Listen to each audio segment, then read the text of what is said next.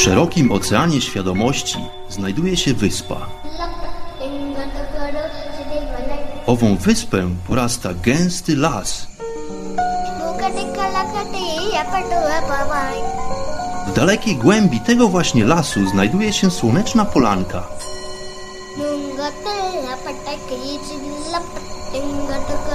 Przy tej oto polance w gorących promieniach słońca stoi sobie pewna magiczna chata.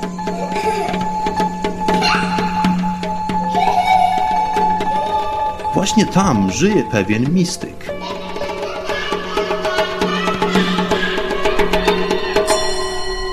Mam na imię Bart i zapraszam wszystkich serdecznie do wysłuchania programu Chata Mistyka. Namaste. Pozdrawiam serdecznie.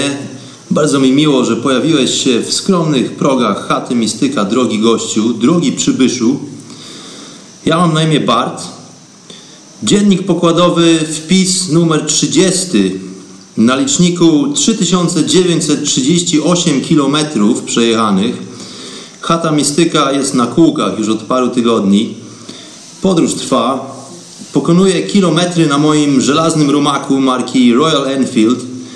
Klasyka, zarazem legenda motoryzacji w Indiach. Lecimy pięknie drogami oraz bezdrożami Indii. Maszyna póki co sprawuje się na medal. Po uzupełnieniu oleju w dosyć dużej ilości, muszę się przyznać, okazało się, że prędkość maksymalna wzrosła do 110 km na godzinę. Poprzednim odcinku Chaty Mistyka odnotowałem zaledwie 100 km na godzinę. Co jeszcze? No jest nowy akumulator. Historia wydarzyła mi się taka, że podczas mojej podróży przez Rajasthan miałem dużo, dużo szczęścia, dlatego że stary akumulator był naprawdę niewydolny i nieprzystosowany w ogóle do tego modelu maszyny. Wiedziałem o tym już od dłuższego czasu, ale zwlekałem z zakupem nowego. No i na szczęście e, akumulator rozkraczył się, ale dopiero jak dojechałem już do celu, także e, naprawdę szczęśliwie powiodło się, że nie zatrzymałem się, że nie zatrzymałem się gdzieś po środku pustyni, tylko e, po prostu akumulator pociągnął do końca i wyzionął ducha dopiero w momencie, kiedy byłem w większym mieście, także zakup nowego akumulatora nie był aż takim problemem. Musiałem go zamówić i poczekać na niego jeden dzień. No ale to szczegół. No i co? I mkniemy. Dziennie przejeżdżam mniej więcej 250 do 350 kilometrów dlatego że stan dróg e, w Indiach pozostawia często wiele do życzenia. Czasami jest tak, że e, przejechanie dosłownie 200 km zajmuje w Indiach cały długi, długi, wyczerpujący dzień.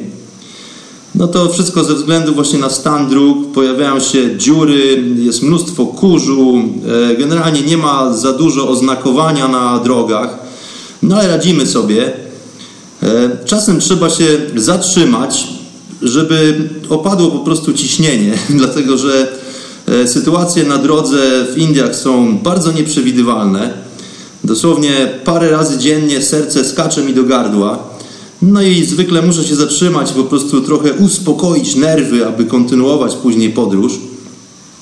Dlatego, że w Indiach to nie tylko zwierzęta, które pojawiają się gromadami na drogach, w tym głównie krowy i osły oraz również bawoły, no i to są również e, kierowcy, którzy nie posiadają właściwie wyobraźni, ale wręcz przeciwnie, powiedziałbym, że ci kierowcy cechują się czasami nadmiarem wyobraźni właściwie. I tutaj chciałem przywołać parę przykładów, o których nie wspomniałem w poprzednich odcinkach, o sytuacjach, które wydarzają się w Indiach. Generalnie co chodzi o transportowanie różnych rzeczy drogami publicznymi. Oczywiście e, głównym środkiem transportu w Indiach wydają się być motory, dlatego że jest ich mnóstwo, jest ich po prostu zatrzęsienie. To nie są motory, które e, są gotowości technicznej i w wysokim stanie przygotowania do, i sprawności do poruszania się drogami. Często nie mają świateł, e, często nie mają sprawnych hamulców, no ale w Indiach generalnie jeździ się czym się da, No ale chciałem tutaj przywołać parę przykładów y, odnośnie towarów, które są przewożone owymi motorami. No dla mojego oka jest to często widok dosyć szokujący. To, że na motorze y, przemieszcza się pięć osób, to, to jest taki fakt, do którego już zdążyłem się przyzwyczaić. Jest to nagminne, że cała rodzinka jedzie sobie jednym jednośladem. No ale co i w jaki sposób można załadować na motor, przechodzi moje wyobrażenie kompletnie. Więc okazuje się, że do przewozu towarów o większych gabarytach konieczny jest y, pasażer siedzący z tyłu za kierowcą motocykla, no bo to właśnie on jest odpowiedzialny za utrzymywanie ładunku na pokładzie. Więc zanotowałem takie przypadki jak na przykład przewóz y, płyt MDF. Płyty MDF to są takie materiały, to jest taki materiał budowlany, który robiony jest ze sprasowanego pyłu po prostu. E, zwykle taki standardowy rozmiar takiej płyty to jest mniej więcej 120 na 220 cm. No więc to jest dosyć spory gabaryt. No i jak to wygląda w praktyce?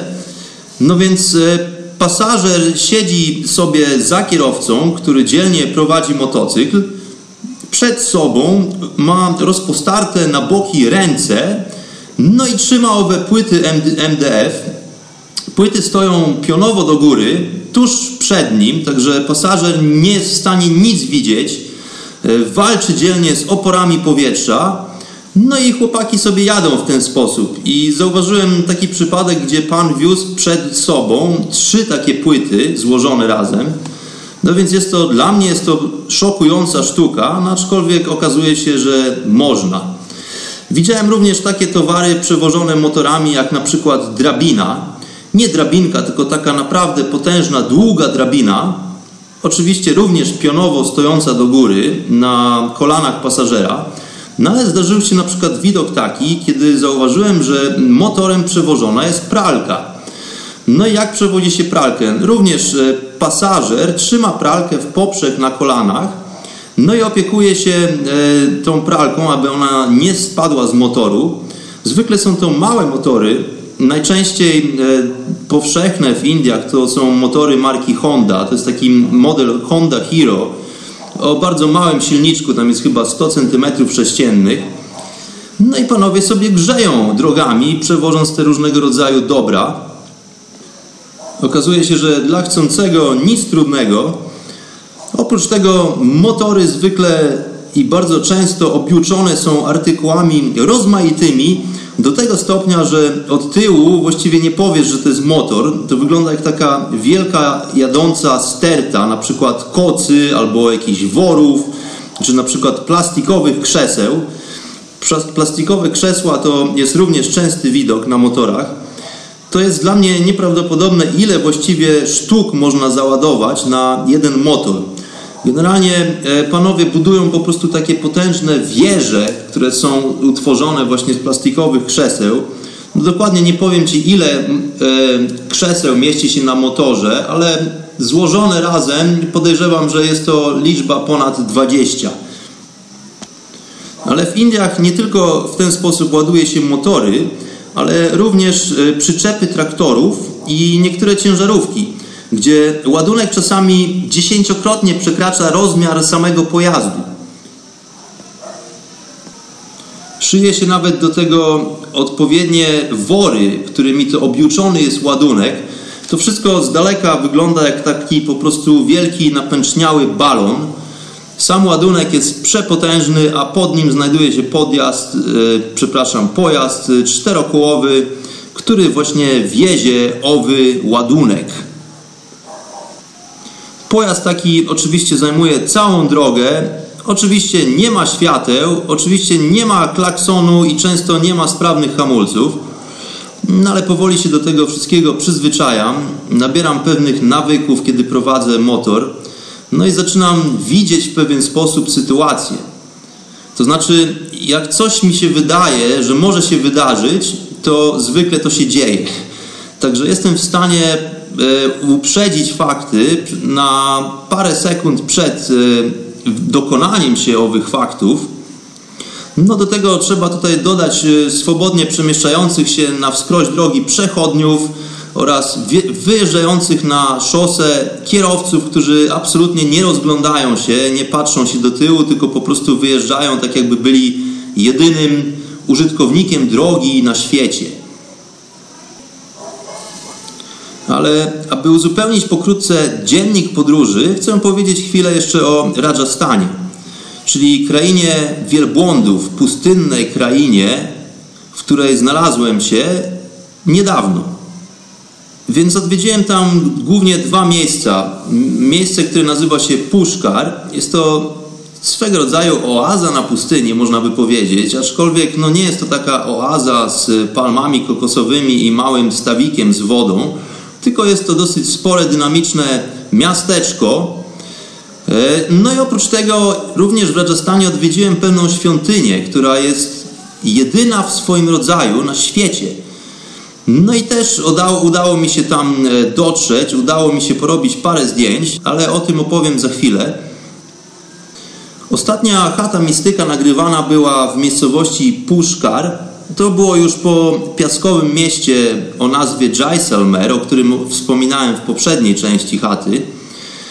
Puszkar nazywany jest również świętym miastem, jednym ze świętych miast w Indiach i odwiedzany jest przez wielu, wielu pielgrzymów, wyznawców i dewotów religijnych różnych kultów hinduistycznych, a także sikhów. W Puszkarze znajduje się kwadratowy akwen wodny, który wypełniony jest rzekomo świętą wodą. Wokół tego akwenu znajdują się tak zwane gaty. Gat to są takie schody, które prowadzą bezpośrednio do samej wody. Więc te gaty przechodzą jeden w drugi, no i generalnie otaczają cały akwen wodny.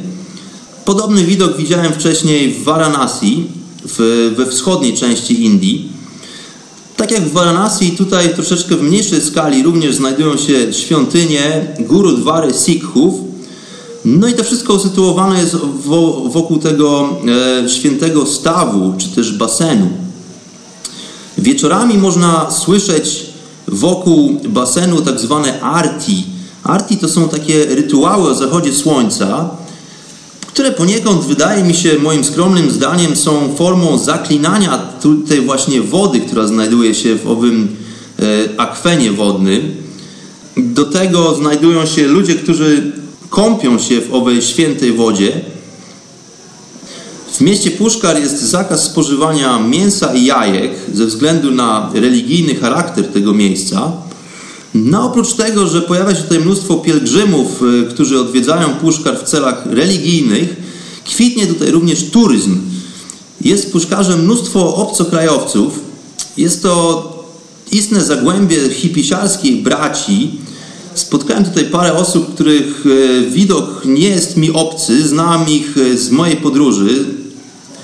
Znajdują się tutaj stragany, kolorowe ubrania wszelkiego gatunku, Znajdują się tutaj stragany z biżuterią, różnego rodzaju bibelotami, no i również mnogość kryształów i kamieni szlachetnych, dlatego że w Rajasthanie jest bardzo dużo właśnie kryształów, głównie kwarcu, ale nie tylko. Rajasthan to pustynia, no ale tutaj również pojawia się właśnie mnogość minerałów i różnego rodzaju kolorowych kamyczków, tu warto wspomnieć, że woda w Rajasthanie, woda w kranie ma dosyć silny, mineralny, powiedziałbym słonawy smak. To wszystko z tego powodu, że również pod ziemią znajdują się, oprócz piaskowca, znajdują się pokłady soli. Na skąd ta sól się tutaj wzięła? No, jeżeli znamy historię tego kontynentu, to wiemy dobrze, że kiedyś tutaj po prostu był ocean. Więc kiedy ten subkontynent indyjski zaczął nacierać na mm, masy lądu, na płyty tektoniczne i w, wyniku tego wypiętrzyły się Himalaje, no to również y, zostały tutaj uwięzione różnego rodzaju właśnie kryształy, różnego rodzaju minerały, które to pojawiają się często w owych czasach na pustyni. Oprócz tego w miejscowości znajdują się hoteliki ze wspaniałymi dachami, takimi płaskimi dachami, na które można sobie wyjść, gdzie można podziwiać zachody słońca i okoliczne wzgórza. Jest tutaj parę takich niskich wzgórz dookoła. Naprawdę doskonałe widoki. Oprócz tego znajdują się tutaj restauracje, niektóre z nich właśnie wybudowane na owych dachach. W tych restauracjach przesiadują obcokrajowcy. Jest często grana muzyka na żywo. Warto wspomnieć, że muzycy pochodzący z Rajasthanu mają naprawdę wysokie umiejętności muzyczne. No i generalnie muzyka jest bardzo oryginalna. E, ci panowie często podróżują po świecie i grają po prostu koncerty w różnych miejscach, dlatego że tutaj szkoła muzyczna po prostu e, reprezentuje bardzo wysoki kunszt. Dlatego ci panowie są często rozpoznawani na całym świecie. No i podróżują sobie i grają swoją pustynną muzykę. Także w restauracji, jedząc sobie posiłek, można często posłuchać muzyki na żywo. E, dania są różnego typu. To nie, są, to nie jest tylko kuchnia indyjska, ale również pojawiają się dania włoskie czy izraelskie, właśnie ze względu na to, że przybywa do tego miejsca taka mnogość e, obcokrajowców. No ale sprzedawane są również tak zwane bang lassi i bardzo ciekawe ciastka czekoladowe z cannabis, tak zwane special cake. Więc Bang Lassi to jest taki napój jogurtowy na bazie mleka, w którym to wymieszany jest haszysz. Natomiast e, special cake to są właśnie czekoladowe ciastka lub ciasta, które również e, zawierają w sobie liście marihuany, tudzież e, mają ekstrakt z haszyszu. No i generalnie te produkty są dostępne powszechnie w puszkarze. Nie są to produkty oficjalne, E, ale generalnie podaje się je spod lady, no ale właściwie można e, poprosić o takie specjalne ciastko w każdej restauracji, więc nabycie tego typu produktu nie jest problemem w puszkarze. Atmosfera na paru głównych uliczkach wokół owego świętego stawu jest zatem dosyć wesoła. Spotkałem tutaj parę znajomych z mojej podróży, znajome twarze, ludzie przemieszczają się podobnymi szlakami, także czasami niespotykane e, niespodzianki. Poznałem również parę nowych, ciekawych postaci. Niektórzy z podobnymi do moich pasji, więc e, szczerze mówiąc, trochę się zasiedziałem w puszkarze. Nie planowałem za bardzo pobytu tam przez tyle dni, no ale czas był spędzany wyśmienicie. Spędzaliśmy czas na, na dachu mojego hoteliku y, z paroma znajomymi, oglądając małpy o zachodzie słońca. To nie są takie kapucynki, tylko to są małpy troszeczkę większego rozmiaru, takie z czarnymi twarzami i z bardzo długimi ogonami. No i oprócz tego podziwialiśmy latawce, jest to tradycją w Indiach, że nie tylko dzieci, ale generalnie mężczyźni również puszczają latawce, e, zwykle w godzinach porannych lub w godzinach wieczornych przy zachodzie słońca. No i tutaj w Puszkarze również odbywa się konkurencja raz w roku, do której to właśnie obecnie przygotowują się e, ludzie. Także wieczorami można widzieć na, na niebie dosłownie tysiące małych papierowych, kwadratowych latawców. Widok jest doprawdy cudny. Oprócz tego spędzając wieczory na owym dachu mojego hoteliku z nowymi i ze starymi znajomymi, nauczyłem się nowe gry w kości. No i oprócz tego zwiedzałem również okoliczne wioski. Wspiąłem się nawet na najwyższy w okolicy szczyt. No nie był to bardzo wysoki szczyt. Wspinaczka zajęła może półtorej godziny, no ale widok z góry był naprawdę przepiękny. Więc po tygodniu pobytu w Puszkarze pożegnałem się ze starymi i nowymi przyjaciółmi, no i wyruszyłem w drogę. Od tego miejsca przemieszczam się już tylko na południe. Interesuje mnie tylko słońce i gorący wiatr we włosach. No czasami zdarza się, że zabłądzę, więc muszę przemieścić się lekko na północ, a po to, aby znowu wkroczyć na drogę i wjechać na drogę i przemieszczać się w stronę słońca. No ale jeszcze chwilę o tajemniczej świątyni w Rajasthanie, o której wspomniałem na początku. Więc świątynia nazywa się Karni Mata. Karni Mata to była rzekomo, czy nadal jest, bogini wojny. Rzekomo postać faktyczna, postać historyczna była to wojowniczka pochodzącego ze szlachetnego rodu, którą później uznano, uznano za boginię. Wybudowano jej parę świątyń, ale ta jedna odwiedzona przeze mnie świątynia jest bardzo słynna i popularnie nazywana jest świątynią szczurów. Nazywana jest świątynią szczurów, dlatego że w środku znajduje się tysiące małych gryzoni, szczurów. Swobodnie biegające po terenie świątyni, nawet wewnątrz samego budynku. Szczury są tam e, bardzo szanowane, są karmione i generalnie zachęcane do pobytu. Także dla Europejczyka widok jest no, poniekąd szokujący, dlatego że te szczury łażą dosłownie wszędzie i łażą po wszystkim. Zdarzyło się nawet tak, że taki szczur przebiegł mi po stopie. Absolutnie nie boją się ludzi. Mm, widok e, trochę szokuje na wstępie i to nie tylko mnie, ale zauważyłem również, że i Hindusi, niektórzy byli dosyć zaskoczeni, tudzież zniesmaczeni owym widokiem. No ale moja teoria skromna na temat tego miejsca jest taka, że tak jak wspominałem, e, higiena i porządek w Indiach pozostawiają dużo do życzenia. Wydaje mi się, że po prostu zwykła świątynia urosła do rangi kultowej, do rangi takiej światowej, znanej, słynnej, z tego względu, że właśnie mm, rozmnożyły się tam szczury w pewnym momencie. No i nie można było się ich chyba pozbyć w łatwy sposób. To są naprawdę wielkie gromady tych małych zwierzaków. No więc ktoś przerobił tą historię na nową, no i od tej pory szczury są tam czczone. Jest to swego rodzaju kult.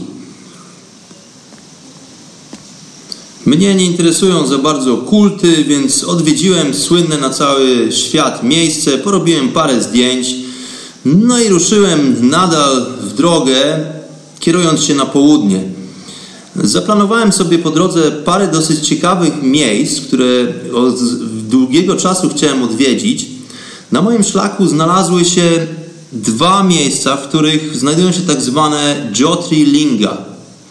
No i dzisiaj o tym właśnie chciałem chwilę opowiedzieć. Zanim wyjaśnię, czym jest owa Jyotri Linga, na wstępie chcę opowiedzieć i wytłumaczyć, co to jest sama linga. Więc słowo linga oznacza w sanskrycie formę.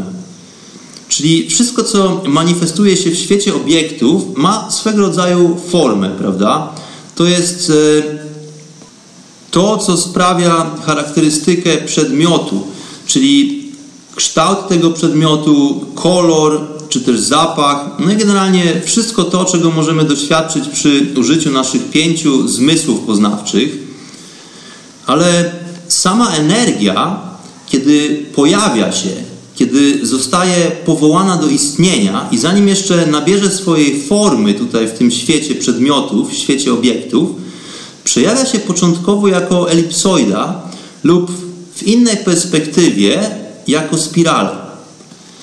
Nie jest to okrąg ani linia prosta, ale właśnie ze względu na swoją dynamikę i charakter, jak gdyby samo źródło pochodzenia, opowiadałem o tym wcześniej, o tak zwane pierwsze zagięcie nierzeczywistości, niebytu, to właśnie z tego względu pojawia się energia, kiedy, mm, kiedy energia przejawia się w świecie obiektów, jak gdyby w momencie inicjacji przyjmuje na dosłownie krótką chwilkę, tu jeszcze nawet nie ma mowy o czasie tak naprawdę, ale właśnie pojawia się kształt elipsy. Więc pierwszy, jak gdyby przebłysk energii w świecie obiektów to jest właśnie elipsa, albo raczej eliptyczna soczewka, taka wypukła, taka po prostu lekko spłaszczona soczewka. No i z tego względu właśnie kształty w naturze, takie obłe kształty, nigdy nie są idealnie okrągłe. To można zauważyć na przykład na jajku, takim kurzym jajku. To jest właśnie e, taka eliptyczna soczewka spłaszczona lekko po obu stronach jajka. Dlatego jajka nie są okrągłe jak piłeczki ping-pongowe, dlatego że energia się tak nie manifestuje. Zauważyli to jogini w procesach bardzo długotrwałych i głębokiej medytacji, ale oni również zauważyli, że elipsa jako forma pojawia się, kiedy energia znika i powraca do stanu nieistnienia. Czyli w tym momencie tak zwanej mukti, kiedy jogin siedząc medytuje i kiedy jest w stanie opuścić ciało, to właśnie rzekomo przejawia się e, kształt eliptyczny, który jest właśnie takim ostatnią już, e, ostatnią namiastką samej formy, kształtu, zanim energia po prostu zniknie i przemieści się jak gdyby do niebytu. No i stąd właśnie również pochodzi kształt tak zwanej Shiva Linga. Shiva to pierwszy jogin, tak zwany Adi Yogi w tradycji jogińskiej, ale Shiva z myślnikiem pomiędzy również z sanskrytu oznacza ten, który jest niczym, ten, który jest niebytem, ten, który istnieje, a zarazem nie istnieje. To jest e, właściwie taki kwantowy stan rzeczy, który logicznie za bardzo nie ma sensu. To jest takie zjawisko, które wydaje się paradoksem. Istota, która istnieje bez formy w świecie fenomenów, czyli w świecie właśnie przedmiotów, które tu mają formę. Więc jak logicznie można istnieć, nie mając formy, w świecie przedmiotów? Jest to swojego rodzaju paradoks. No i stąd właśnie Shiva Linga. Graficznie jest to bardzo określony i bardzo subtelny kształt. To jest e, taka krótka kolumna, zwieńczona właśnie kształtem kopułowym, ale o kącie takiej soczewki lekko spłaszczonej, a nie półkuli. U podstawy jest taki, e, jakby to nazwać, taki ceber, czyli jak gdyby takie naczynie, z którego wyrasta owa kolumna po środku. No i to naczynie ma po boku taką jak gdyby wylewkę, z której to e, wydostaje się woda. Za chwilę opowiem skąd bierze się woda. No ale owa wylewka zawsze skierowana jest na północ. Więc lingi są różnych rozmiarów, niektóre bardzo duże, niektóre malutkie, niektóre dosłownie takie statuetki. Wykonane są również z różnych materiałów. Duże najczęściej wykonane są z granitu i to z takiego najtwardszego, jaki jest możliwy granit. Małe wykonane są na przykład z kwarcu albo na przykład z solidnej rtęci. Tutaj wyróżnia się Diana Linga w południowych Indiach, która jest e, potężna i wykonana bardzo ściśle podług alchemicznych zasad. Nie tylko linga, ale i cały budynek wokół Diany Lingi jest zaprojektowany i przemyślany w bardzo skrupulatny sposób.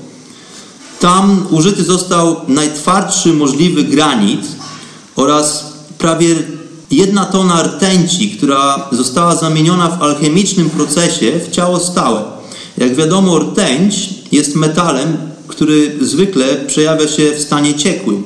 No a tutaj okazuje się, że na przekór e, zasadom fizyki newtonowskiej są e, pewni czcigodni panowie, alchemicy, którzy znają tajniki, w jaki sposób można manipulować materię, no i są w stanie przemienić e, płynny metal pod tytułem rtęć w ciało stałe, które pozostaje ciałem stałym w temperaturze takiej zwykłej, pokojowej, można by powiedzieć.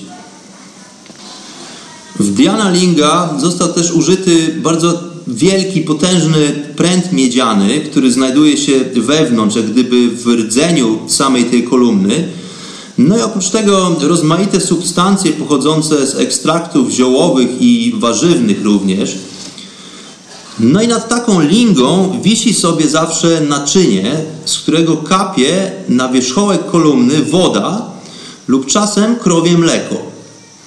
Tutaj znowu woda, dlatego że jest to istnie sprawa rezonansu i poniekąd również kwestia chłodzenia dla takiego reaktora energii, dlatego że te urządzenia, nie będąc, nie będąc zasilane jak gdyby z zewnątrz niczym e, typu kabel czy mm, prąd elektryczny, one po prostu się rozgrzewają. No bo mówimy tutaj o technologii, bardzo starej technologii, Shiva Linga to jest y, generalnie urządzenie. Zaprojektowane jest i działające ściśle podług zasad funkcjonowania stworzenia, czyli tego, co po prostu nas otacza i tego, czym my jesteśmy, ściśle podług alchemicznych zasad. Taka linga wykonana w odpowiedni sposób, przy użyciu odpowiednich proporcji również, jest e, takim właściwie pomostem, można by powiedzieć, pomiędzy nieistnieniem a samym bytem. Określa w pewien sposób e, ten właśnie moment startu, ten moment zapłonu. Więc jest to forma, która zanurzona jest z jednej strony w świecie materialnym, ale również poniekąd w wymiarze, w którym kształt, czy ta barwa, czy nawet sam czas nie mają znaczenia. I stąd też symbolika początku powstawania, czy też zapłodnienia, powołania do istnienia. Sama kolumna nie ma co ukrywać, ma kształt faliczny. A podstawa, czy, czy też owy ceber, jak to nazywam, to jest po prostu reprezentacja kobiecego łona, które penetrowane jest w akcie powołania do życia, czy też do istnienia. No ale teraz chciałem właśnie opowiedzieć o tak zwanych Jyotrilinga. Więc jest 12 Jyotrilinga na całym świecie i tylko 12. No i na dodatek wszystkie 12 sztuk znajduje się w Indiach. Dlaczego w Indiach? No dlatego, że to są bardzo specyficzne urządzenia, które bezpośrednio wypływają tutaj z hinduskiej kultury, z faktu po prostu położenia geograficznego Indii również. Nie mówię o tym, że to są jedyne urządzenia energetyczne na świecie. Takich urządzeń e, nasze pradawne kultury pozostawiły e, na całym świecie mnóstwo. No ale ta specyficzna forma, która nazywana jest właśnie lingą, tudzież Shiva lingą, no jest głównie znajdowana tylko i wyłącznie w Indiach. No a oprócz tego właśnie ta Jyotirlinga ma bardzo specyficzne właściwości. Kultura hinduska zawsze przejawiała się i dążyła do tego, aby ludzie mogli udoskonalać się duchowo, aby mogli przechodzić ten proces duchowy. Więc do tego e, od tysięcy lat ludzie w Indiach wykorzystują właściwie każdą okazję, każdy możliwy proces po to, aby właśnie jak gdyby ulepszyć się pod względem duchowym. No i stąd właśnie powstaje, powstaje bardzo specyficzna technologia. Właśnie dlatego w Indiach powstaje również yoga, która również jest technologią. No i stąd również pojawiają się energetyczne urządzenia. 12 Jyotri Ling w Indiach utworzonych zostało w bardzo precyzyjnie określonych lokalizacjach. Lokalizacje te e, są szczególne ze względu na zależności astronomiczne i energetyczne owych miejsc. Więc generalnie te lingi pojawiły się w miejscach, które są takimi węzłami energety energetycznymi planety Ziemia. No i również e, są miejsca owe zaprojektowane podług zależności z gwiazdami i z innymi ciałami niebieskimi. Więc można by powiedzieć, że jest to takich 12 reaktorów, może, e, które są częściami pewnej siatki energii, które zostały w bardzo specyficzny sposób zaklęte, czy też zaczarowane, można by powiedzieć. Czary Mary to jest generalnie coś takiego, mm, co jeżeli czegoś nie rozumiemy, no to wtedy uznajemy to za czary czy jakieś cuda. No ale tutaj w przypadku lingi to nie są cuda, tylko jest to po prostu czysta technologia, czyli coś, co po prostu ma za zadanie działać. No więc tutaj e, podejście do tych miejsc troszeczkę e, jest inne. Lingi ulokowane są w bardzo specyficznych, charakterystycznych miejscach. No i są to generalnie bardzo stare urządzenia. Według mojego źródła niektóre z nich są nadal aktywne, a niektóre z nich już nie działają. Do, do każdej z owych 12 link została opracowana również odpowiednia sadana. Sadana oznacza praktykę duchową, czyli to nie są tylko urządzenia, ale generalnie to, co ty musisz robić po to, aby osiągnąć pewien y, pułap świadomości, pewien stopień zaangażowania duchowego. Więc e, same lingi to są po prostu istne narzędzia do osiągnięcia doskonałości, czy też można by powiedzieć idealnego stanu rzeczy, idealnego stanu świadomości. Mnie do tej pory udało się już odwiedzić trzy takie Jotri lingi podczas mojej podróży. Mm, pierwsza z nich e, to była linga, która znajduje się w bardzo popularnej świątyni w Varanasi. Varanasi to jest miejscowość nad świętą rzeką Ganges. Tam e, w samej miejscowości jest zatrzęsienie Shiva Linga o różnych rozmiarach i troszeczkę innych, odmiennych kształtach. Jest ich po prostu mnóstwo, nie tylko w świątyniach, ale pojawiają się po prostu e, po bokach wąskich uliczek w Varanasi również. No, widok jest e, nieprawdopodobny. Wygląda to po prostu, zresztą całe miasto Varanasi zostało bardzo skrupulatnie zaprojektowane podług e, pewnych zależności geometrycznych, tak zwanej świętej geometrii. No i również jest e, całe miasto nastrojone do generalnie do gwiazd, do, do nie tylko systemu słonecznego, ale generalnie do pewnych schematów, które zachodzą w całym kosmosie. No ale samo Varanasi, czyli e, bardzo święte miejsce na mapie Indii, każdy generalnie chce tam umrzeć albo przynajmniej pośmiertnie e, zostać spalonym w Varanasi. Taka to jest hinduistyczna tradycja. Jest tam potężna świątynia, generalnie tłumy, tłumy ludzi, wrzawa i pospólstwo. No ale e, ta Jyotirlinga w Varanasi jakoś mnie nie urzekła, powiem szczerze. Może jest to jedna z tych link, które właśnie nie działają. Natomiast e, parę dni temu w mojej podróży odwiedziłem miejsce, które nazywa się Ujjain. Miejsce to e, jest również świętym miastem, bardzo charakterystycznym dla pielgrzymów, dlatego że znajduje się tutaj festiwal Kumbh Mela. Kumbh Mela to jest bardzo liczny festiwal, który odbywa się co 12 lat. To jest taki cykl. Generalnie jest parę miast, które, e, w których odbywa się owy festiwal. No i e, po prostu co parę lat te miasta się zmieniają, ale jeden duży cykl zajmuje 12 lat. Czyli jeżeli odbędzie się taki festiwal, e, na przykład dajmy na to w miejscowości Ujjain, no to dopiero kolejny taki odbywa się za 12 lat.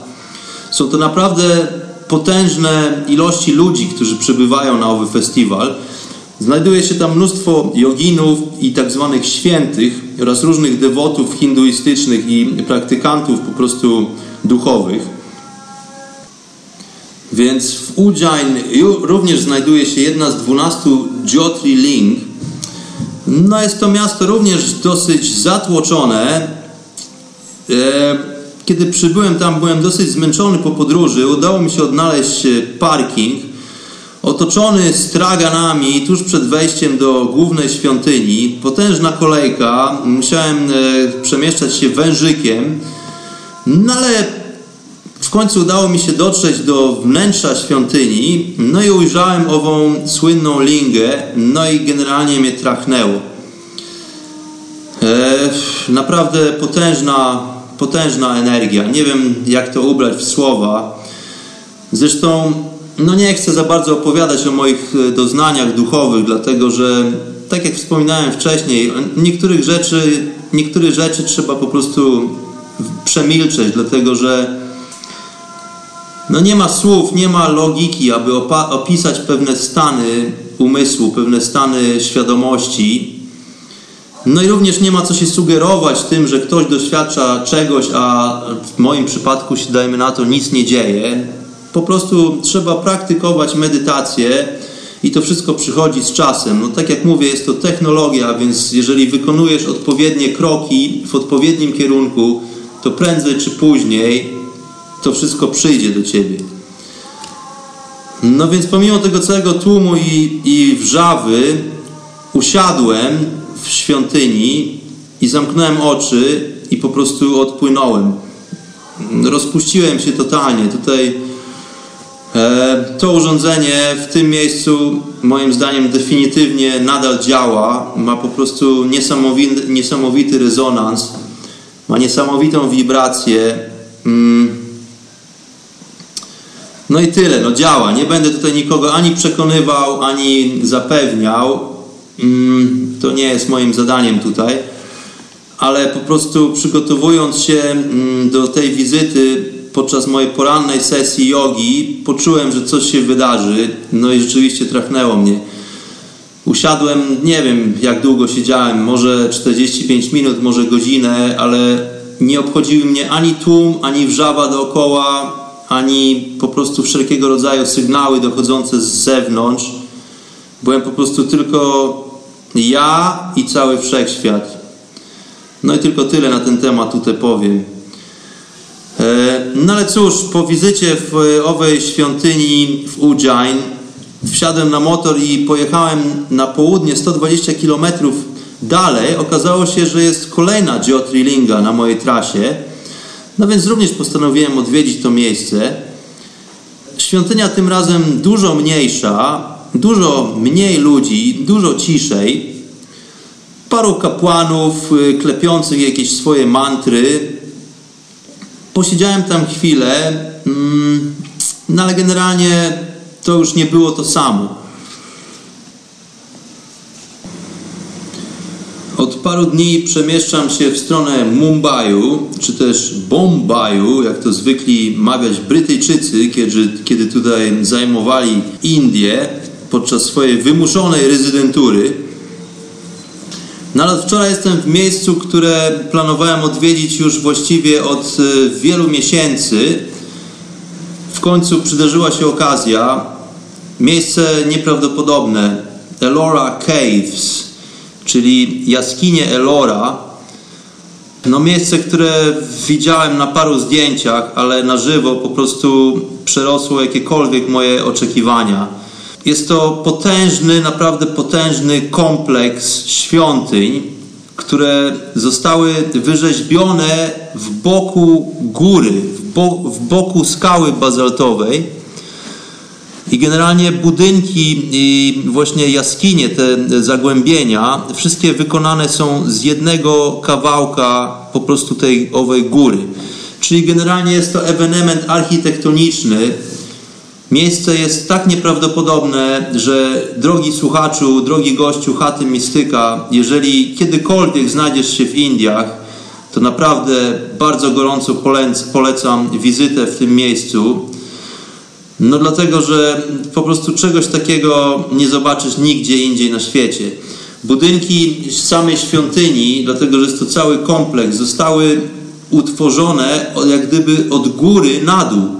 Czyli nie zostały wybudowane w tradycyjny sposób od podstawy ku górze, tylko w odwrotnym kierunku. Po prostu wszystko zostało wyrzeźbione z jednego kawałka skały, a architektura jest tak urzekająca i po prostu istnieją tam tak przepiękne detale, wliczając w to różnego rodzaju freski i rzeźby, potężnych rozmiarów e, rzeźby zwierząt, na przykład potężne słonie w oryginalnym rozmiarze, kolumny, sufity. To wszystko jest bardzo, bardzo stare. Jest to generalnie kompleks 36 budynków głównym, największym obiektem całego tego kompleksu jest Kailasha Temple, czyli świątynia Kailash. Kailash jest to generalnie góra, która znajduje się w Himalajach, o której opowiadałem wcześniej przy okazji opowieści o samym Adim Yogim. Świątynia Kailash powstała ku czci Siwy, no ale w całym tym kompleksie obiektów to nie są tylko świątynie hinduistyczne, ale również sporo świątyń buddyjskich i świątyń, które poświęcone są religii, która nazywana jest jainizmem. No i to jest dosyć ciekawa historia, dlatego że te trzy religie są bardzo powszechne w Indiach i bardzo mm, właściwie obecne przez wiele tysięcy lat. Więc historia mówi o tym, że rzekomo, aby pogodzić właśnie oby, owe trzy główne nurty, zostały wybudowane obok, tuż obok siebie właściwie owe świątynie, które powstały przy potężnym wkładzie i wysiłku. No i generalnie mówi się o tym, że świątynie te e, powstały gdzieś tam w VI-VII wieku naszej ery, ale do końca nikt dokładnie nie wie. Wersji jest na ten temat mnóstwo. Nikt dokładnie nie wie, jak, w jaki sposób powstały te budowle, dlatego że proces technologiczny po prostu, który mm, umożliwiłby utworzenie takich, takich struktur, musiałby być naprawdę na wysokim, wysublimowanym poziomie. No a skoro mówimy o VI wieku, no i historia uczy nas o tym, że byliśmy tacy zacofani i dopiero to od niedawna nasza cywilizacja nabrała takiego rozmachu, no to tutaj trochę się to gryzie. Ja postaram się e, później już e, po pierwszej edycji programu Chata Mistyka wkleić w archiwum linki na, na zdjęcia owych obiektów, abyście mogli sobie zobaczyć po prostu e, to, co tutaj próbuję opisać. No jest to nieprawdopodobny kunszt, nieprawdopodobna praca. E, ja nie jestem przekonany, w jaki sposób zostały te owe budynki, owe świątynie wydłubane. No rzekomo używano do tego młota i dłuta. No mnie się wydaje, że po prostu proces technologiczny musiał być dużo bardziej zaawansowany. Wystarczy pododawać po prostu czas, który potrzebny by był, aby wznieść tego typu budowlę więc wersje na ten temat są różne. Niektórzy twierdzą, że owe świątynie powstawały w przeciągu dosłownie paru miesięcy. No moim zdaniem e, po prostu jest to niemożliwe. Jest to tak niesamowite przedsięwzięcie architektoniczne i artystyczne również, że e, bardziej skory byłbym do e, stwierdzenia, że zajęło to tak naprawdę wiele, wiele generacji ludzi, aby stworzyć owe miejsca. No ale zastanawia mnie jeden fakt. Y, przy tak potężnym wkładzie i wysiłku, właściwie jaki był cel, jakie było zamierzenie ludzi, którzy rozporządzili budowlę owych miejsc? Dlatego, że jeżeli były to tylko i wyłącznie świątynie, które miały być po prostu miejscem kultu i czci bogów, no to wydaje mi się, że praca i wysiłek włożony w powstanie tych struktur jest niewspółmierny. Dlatego wydaje mi się, że powód, dla którego powstały owe struktury, owe budowle, musiał być bardzo, bardzo dla naszych zamierzchłych e, poprzedników istotny. Dlatego, że nikt właściwie nie odważyłby się na rozpoczęcie takiego przedsięwzięcia, jeżeli na przykład jesteś władcą, jeżeli jesteś królem i wiesz, że konstrukcja owej świątyni, takiej dajmy na to świątyni Kailash, która nie jest jedyna w tym całym kompleksie, tam jest 36 potężnych, wyżłobionych w boku góry obiektów no jeżeli jesteś takim władcą i zdajesz sobie sprawę z tego, że po prostu konstrukcja nie zostanie ukończona podczas Twojego życia, ani podczas życia Twoich potomków, no to co powoduje Tobą, że decydujesz się na tak potężny proces, na tak potężną budowlę? Moim skromnym zdaniem musi istnieć ku temu naprawdę jakaś poważna przyczyna, jakiś cel to nie są tylko miejsca, które w przyszłości mają stać się e, takimi po prostu miejscami odwiedzanymi przez turystów dla Hecy, tylko były to miejsca, które zostały bardzo skrupulatnie i bardzo szczegółowo zaprojektowane. E, materiał, w którym zostały wykonane owe budowle, również e, nie jest bez znaczenia. Jest to skała bazaltowa, czyli skała wulkaniczna, która po prostu powstała na skutek erupcji z wewnątrz Ziemi, więc zawiera mnóstwo minerałów. No moim zdaniem jest to sprawa czysto technologiczna, jest to sprawa rezonansu. No tylko tutaj trzeba zadać sobie pytanie, jaki był cel tworzenia tego typu budowli, tego typu urządzeń. E, pomimo tego, że spędziłem dzisiaj tam dosłownie cały dzień, udało mi się zaledwie zwiedzić parę z owych 36 obiektów. Jest to rzecz, którą naprawdę ponownie polecam każdemu, kto wybierze się w te strony. To jest po prostu okazja jedyna taka w życiu, aby zobaczyć po prostu tak spektakularne przedsięwzięcie. E, pomimo tego, że w owej głównej świątyni było mnóstwo ludzi, spędziłem tam dosyć dużo czasu i porobiłem do, dosyć dużo szczegółowych zdjęć, dlatego że mnie interesuje technologia, mnie interesuje technologiczny aspekt, jak owe budowle powstały. Wydaje mi się, że po prostu użycie dłuta i młotka przy budowie tak skrupulatnie zaprojektowanych urządzeń, no to jest po prostu śmiechu warta metoda.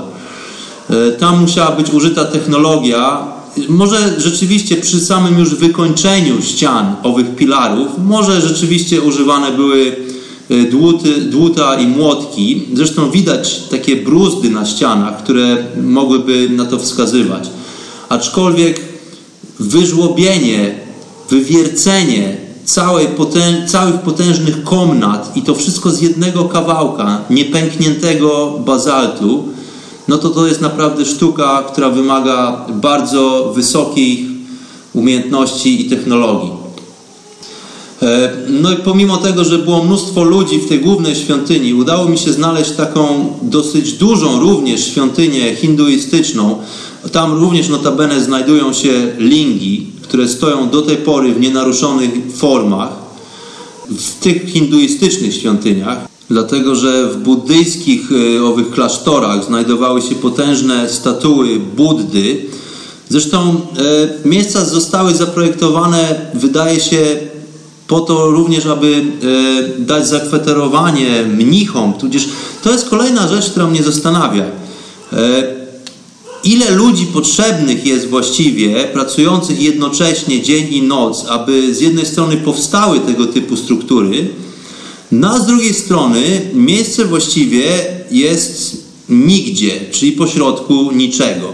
Więc projektując miejsce, które jest w stanie przyjąć potężne właściwie masy ludzi, no to musi być za tym wszystkim jakiś plan.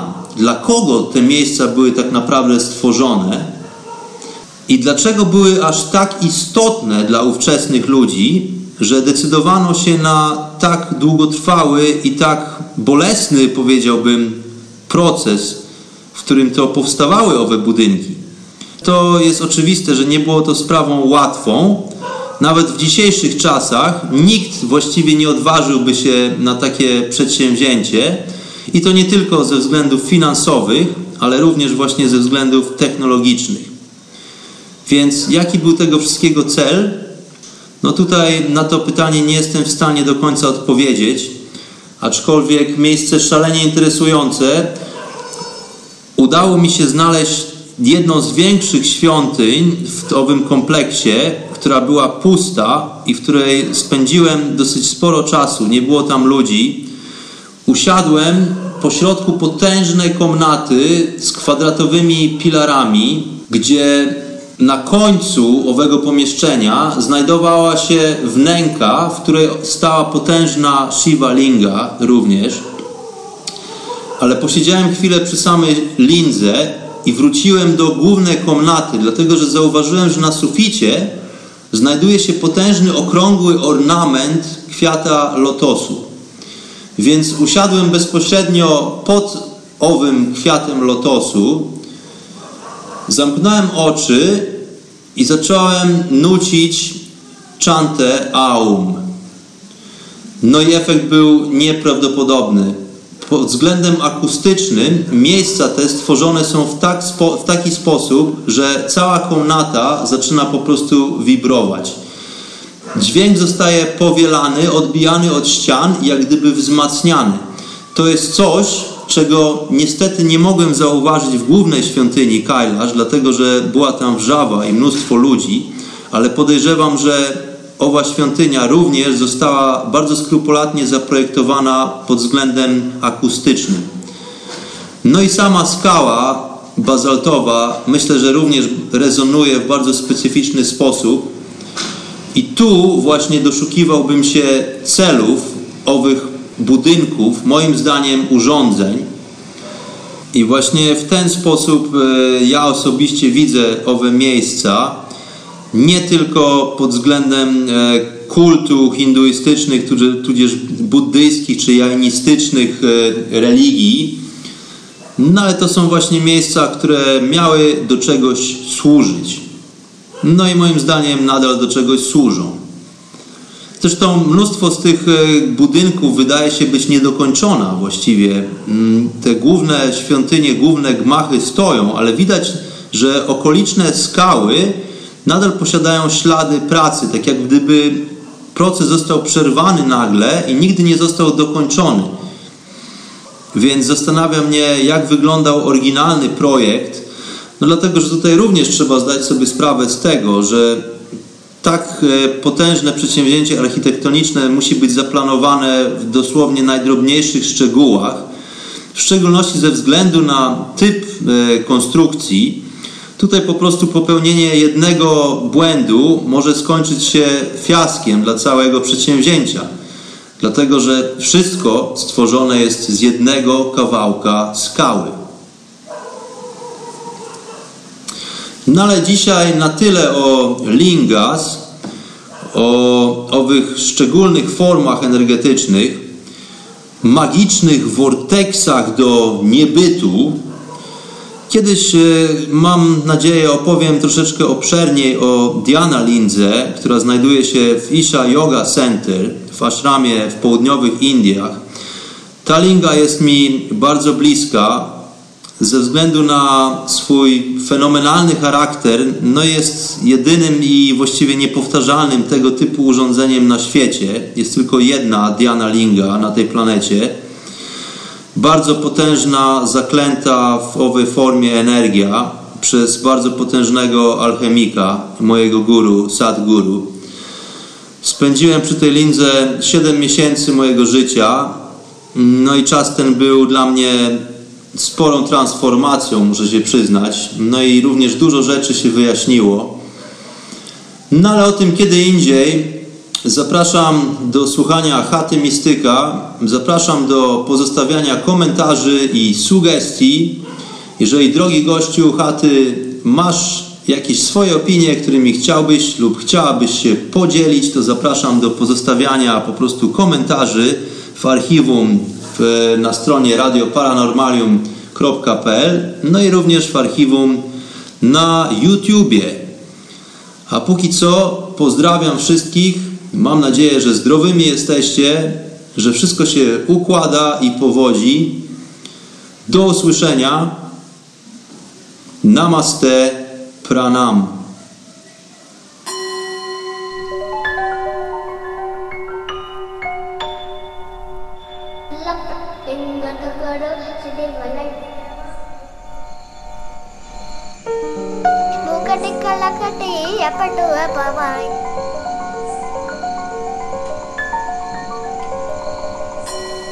நுங்கத்தில் பட்டை கையில் பட்டங்கட்டு